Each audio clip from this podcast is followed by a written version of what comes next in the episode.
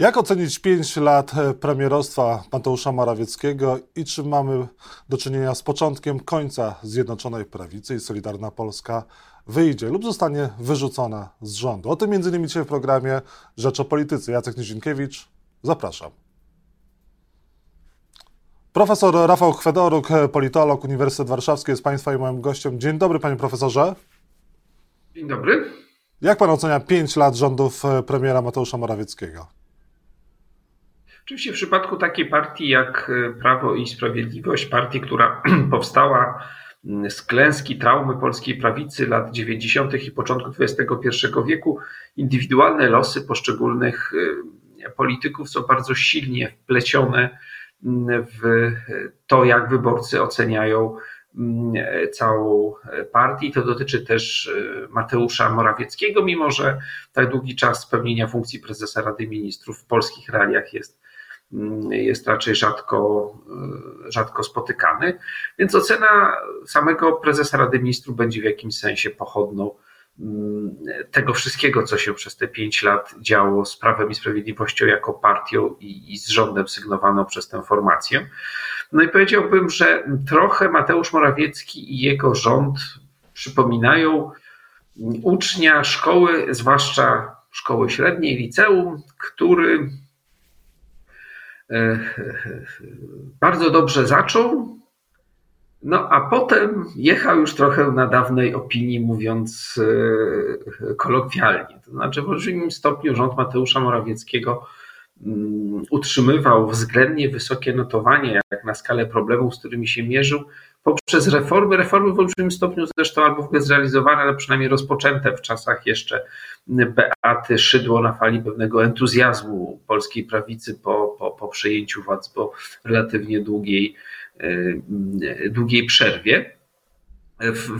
Po ostatnich, ostatnich wyborach bardzo szybko, powiedziałbym, doszło do takiej fragmentaryzacji okresu rządów PiSu, to znaczy kolejne kryzysy związane bądź to z sytuacją wewnętrzną, jak e, sprawa aborcji, bądź, jak z, bądź ze zjawiskami zewnętrznymi, jak, jak COVID i wojna na, na Ukrainie na to, na to wpływają.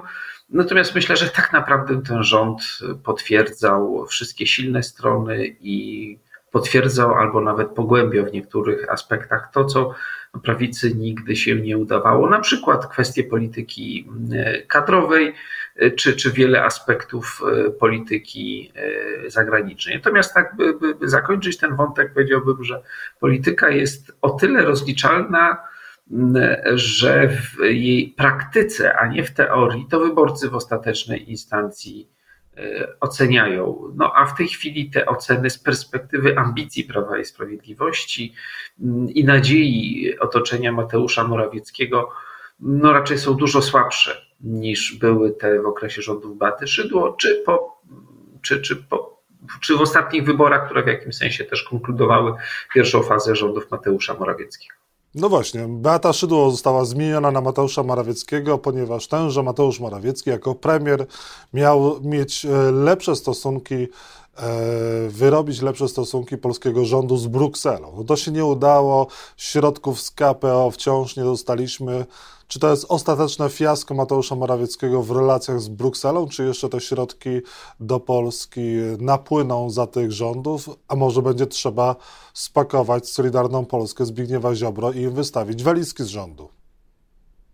No, każdego polityka oczywiście i czy formację polityczną należy mm, oceniać z perspektywy punktu startu, możliwości, jakimi dysponowała. Mateusz Morawiecki w istocie, prócz przyciągnięcia wielkomiejskiej klasy średniej wewnątrz kraju, miał e, ułatwić skomplikowane relacje Prawa i Sprawiedliwości w ogóle ze światem e, zewnętrznym. I w tej kadencji otrzymał olbrzymią szansę. To znaczy, doszło do osłabienia Unii Europejskiej i zarówno na skutek wojny, jak i ze względu na, na politykę amerykańską, która, która bardzo wyraźnie zmierza do, do, do wyhamowania rozwoju, mm, rozwoju Europy. Oznaczało to także osłabienie Niemiec i motoru europejskiej integracji w postaci gospodarki naszych zachodnich sąsiadów. Więc Mateusz Morawiecki dostał tutaj mm, bardzo mocne atuty do, do rozgrywki i wydaje się, że w stosunku do możliwości niewiele uzyskał, nawet jeśli KPO uda się ostatecznie różnymi sejmowymi, e, kuluarowymi grami i gierkami e, przeforsować, ponieważ okazało się, że pomimo tego strategicznego osłabienia naszych zachodnich, zachodnioeuropejskich e, partnerów, to owi partnerzy absolutnie nie zrezygnowali z asertywnej polityki wobec Polski. I nawet jeśli KPO przejdzie, to zapewne w obecnych skomplikowanych realiach polskiej gospodarce przynajmniej krótko i średnioterminowo wyjdzie na dobre, to cena, jaką rząd prawicy będzie musiał za to zapłacić, będzie ceną politycznie bardzo e, wysoką. E, będzie to cena, którą część wyborców PiSu będzie identyfikowała jako daleko idący kompromis, być może potrzebny, ale jednak kompromis, a więc pewnego rodzaju mm, objaw, e, objaw słabości. W przypadku Baty Szydło przynajmniej te walki i konfrontacje z Europą były dosyć czytelne.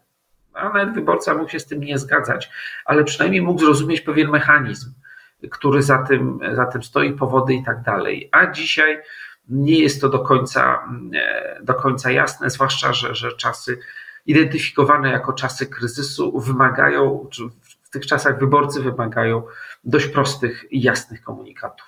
No właśnie, ale pytanie jeszcze o Beatę Szydło, czy to już jest zgrana karta, czy to może być na przykład kandydatka PiS w wyborach na prezydenta, no i ma szansę zostać pierwszą prezydent Polski. Myślę, że na pewno jest e, w gronie faworytów e, na prawicy do tej, do tej roli. W tej chwili za wcześnie przesądzać, dlatego że mm, zobaczymy, jak zjawiska kryzysowe, ale także jak demografia, jak wejście kolejnych roczników młodych wyborców wpłynie na, na przetasowania w polskiej polityce i wtedy takie decyzje zapadną.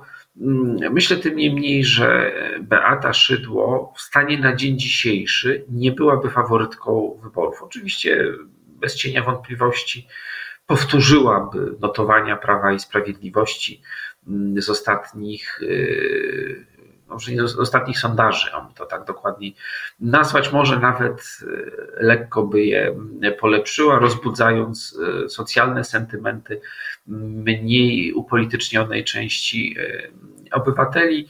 E, natomiast e, ujawnione już w ostatnich wyborach tendencje demograficzne, problemy Prawa i Sprawiedliwości w ostatnich kilku latach powodowałyby, że, że byłoby to tak jak nieraz się zdarzyło w wyborach na prezydentów niektórych dużych miast kandydat czy kandydatka Prawa i Sprawiedliwości swego czasu, czy to w Warszawie, czy we Wrocławiu na przykład, wypadają w wyborach dobrze. Prowadzą dynamiczną kampanię, pozyskują poparcie wszystkich tych grup społecznych, które w jakikolwiek sposób wahają się przy głosowaniu na, na kandydatów obozu, mm, obozu liberalnego, ale w drugiej turze ostatecznie tak tych głosów do zwycięstwa nie starcza.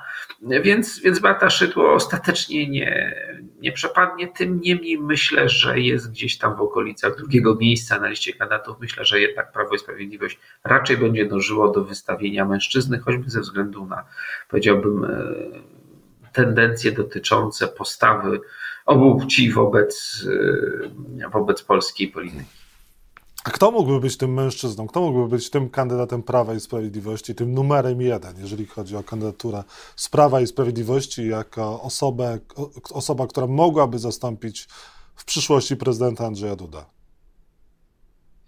No mówiąc, mówiąc banalnie, myślę, że, że w pierwszej kolejności będzie szukany e, mężczyzna w wieku średnim, dlatego że to znaczy, kto to mógłby być, panie profesorze, z nazwiska, jakby pan mógł wskazać taką osobę, którą pan dzisiaj y, postrzega, która ma największe szanse i spełnia te warunki? No myślę, że, że, że, tak naprawdę na dobrą sprawę musielibyśmy pozostawać w, w, w stanie na dzień dzisiejszy mm, w kręgu trzech postaci. Po pierwsze obecnego ministra obrony narodowej, Mariusza Błaszczaka, ile oczywiście dalsze działania związane z, z faktyczną restytucją powszechnego poboru w Polsce nie zakłócą, wydawałoby się, absolutnie bezproblemowo postępującej kariery obecnego ministra mm, obrony narodowej. Jest to polityk też związany z, z, środowiskiem jeszcze porozumienia centrum niemal od, od początku i pełniący w ostatnich latach funkcję, która jest trochę zero-jedynkowa w polskich realiach. Może poza tą ostatnio wspomnianą sytuacją w zasadzie można było tylko zyskiwać w tej roli. Po drugie, byłby to mimo wszystko Mateusz Morawiecki. Gdyby doszło coś, co z dzisiejszej perspektywy wydaje się mało realne, to znaczy mm, Prawo i Sprawiedliwość w jakiejkolwiek postaci, nawet najbardziej zawikłanej koalicji, zdołało utrzymać władzę po następnych mm, wyborach, to rzeczywiście pozycja tego polityka w sposób rewolucyjny wzrosłaby. No i po trzecie, może to być jakaś postać mm, z pogranicza e, polityki, taka, która wykorzystałaby no, antypolityczny odruch obecny w Polsce, w ogóle w historii, a także po roku 89.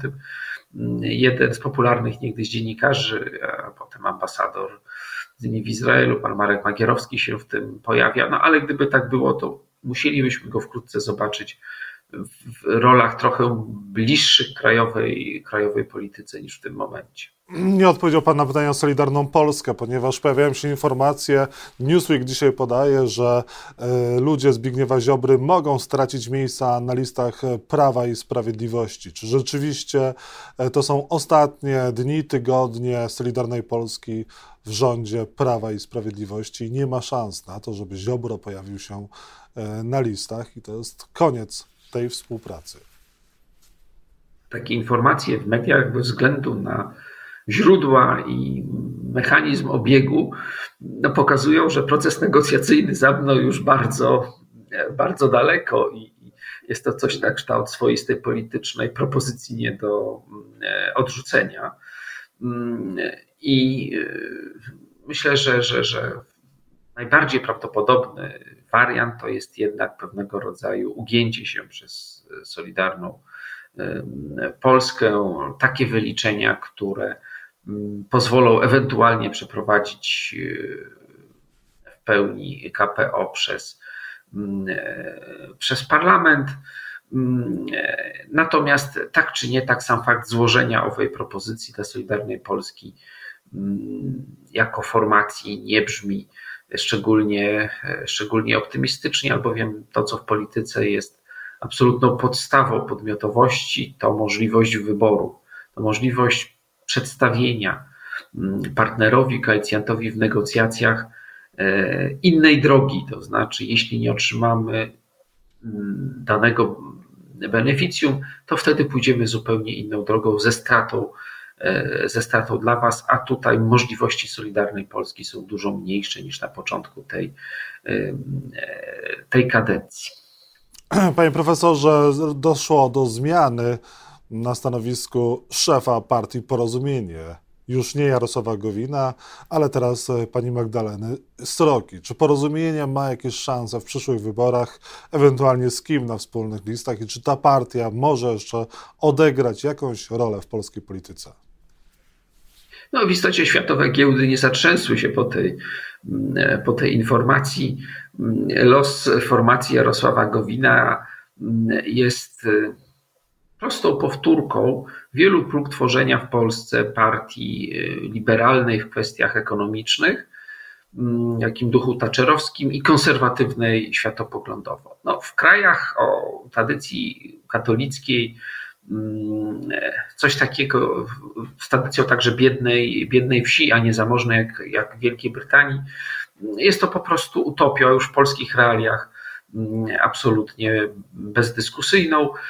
Na dodatek ta formacja tego strategicznego problemu połączenia rynku z tradycjonalizmem kulturowym no jest także partią, która balansowała pomiędzy rządzącymi a opozycją, a przy tak utrwalonych podziałach, przy tym, gdy różne osie podziałów dzielące Polaków jako społeczeństwo nakładają się na siebie, no to mówiąc w skrócie, dla elektoratu liberalnego jest się i tak pisowcem, a dla elektoratu Prawa i Sprawiedliwości i tak jest się rezydentem Platformy na na prawicy. Absolutna próżnia, brak możliwości jakiejkolwiek podmiotowej roli, nawet w obrębie jakiejś egzotycznej koalicji montowanej wokół Polskiego Stronnictwa Ludowego. I na koniec Prawo i Sprawiedliwość e, ustami swojego lidera już, można powiedzieć, rozpoczęło kampanię wyborczą. Jarosław Kaczyński objeżdża całą Polskę, ale tam też również pojawiają się podczas tych spotkań różne e, niewybredne sformułowania płynące z ust Jarosława Kaczyńskiego. Ostatnio padły bardzo mocne słowa o tym, że my zniszczymy tych ludzi, mówiąc o naszych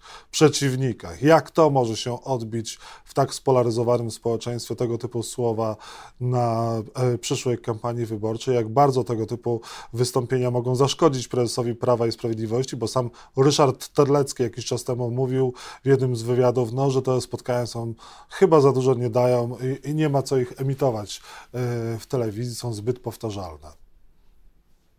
Kampania wyborcza faktycznie trwa w tym momencie, dlatego że wszyscy są świadomi, mm, że to jest chwila, w której mogą, może dojść do, do ostatnich możliwych transferów. Prawo i Sprawiedliwość musi rozstrzygnąć całą polityczną walkę teraz, albowiem skomplikowana sytuacja ekonomiczna, także tendencja demograficzna w kraju, stabilizacja notowań partii opozycyjnej powoduje, że za chwilę będzie za późno, a z poziomem poparcia poniżej 40% nie ma możliwości samodzielnego sprawowania władzy, a najpewniej w ogóle żadnej możliwości sprawowania władzy po kolejnych wyborach, więc PiS musi coś teraz zmienić. Natomiast radykalne komunikaty, daleko idące wypowiedzi, także często bardzo ekscentryczne propozycje reform, jakie się pojawiają na prawicy, pokazują, że całkiem serio jest tam brany pod uwagę scenariusz, w którym nie będzie szans na zwycięstwo po kolejnych wyborach.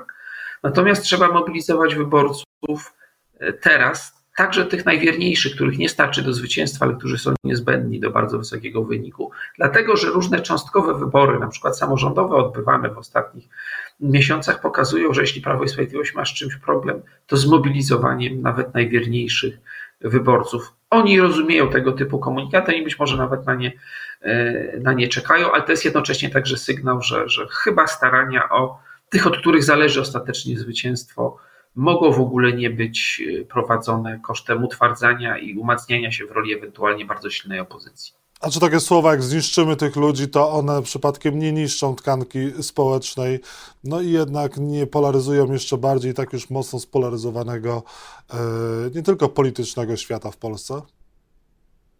No to ponad wszelką wątpliwość, oczywiście pamiętając, że, że, że Jarosław Kaczyński nie ma monopolu na wypowiadanie tego e, typu słów w polskiej polityce. Jest to domeną innych polityków prawicy i ich antagonistów z drugiej, z drugiej strony. I powiem tak, no, zawsze byliśmy jako, jako społeczeństwo zafascynowani Stanami Zjednoczonymi. To tam tak polityka wygląda od bardzo, bardzo dawna. Mm, co nie znaczy, że za tymi no, słowami bardzo daleko idącymi e, idzie, idzie praktyka. Mam wrażenie, że tam po prostu wszyscy są trochę bardziej świadomi tego, że to jest także pewien element spektaklu, mm, a u nas chyba brakuje, powiedziałbym, pewnego rodzaju świadomości, natomiast powiedziałbym, daleko w ten sposób w istocie jako społeczeństwo nie, nie dotrzemy bez względu na to, w imię czego tego, tego typu słowa e, są, e, są wypowiadane. I śmiem twierdzić, że być może dopiero pogłębiająca się wymiana pokoleniowa w elektoracie i wśród, wśród polityków e, zmienią to, przynosząc skądinąd nowe problemy związane z, ze światem polityki, ale być może te pokolenia socjalizowane na przykład przez wielkie korporacje, gdzie, gdzie twarde interesy są realizowane często za pośrednictwem bardziej dyplomatycznego języka, to zmienią. Profesor Rafał Chwedoruk był Państwa i moim gościem. Bardzo dziękuję Panie Profesorze za rozmowę. Dziękuję bardzo. Dobrego dnia życzę. 也可啊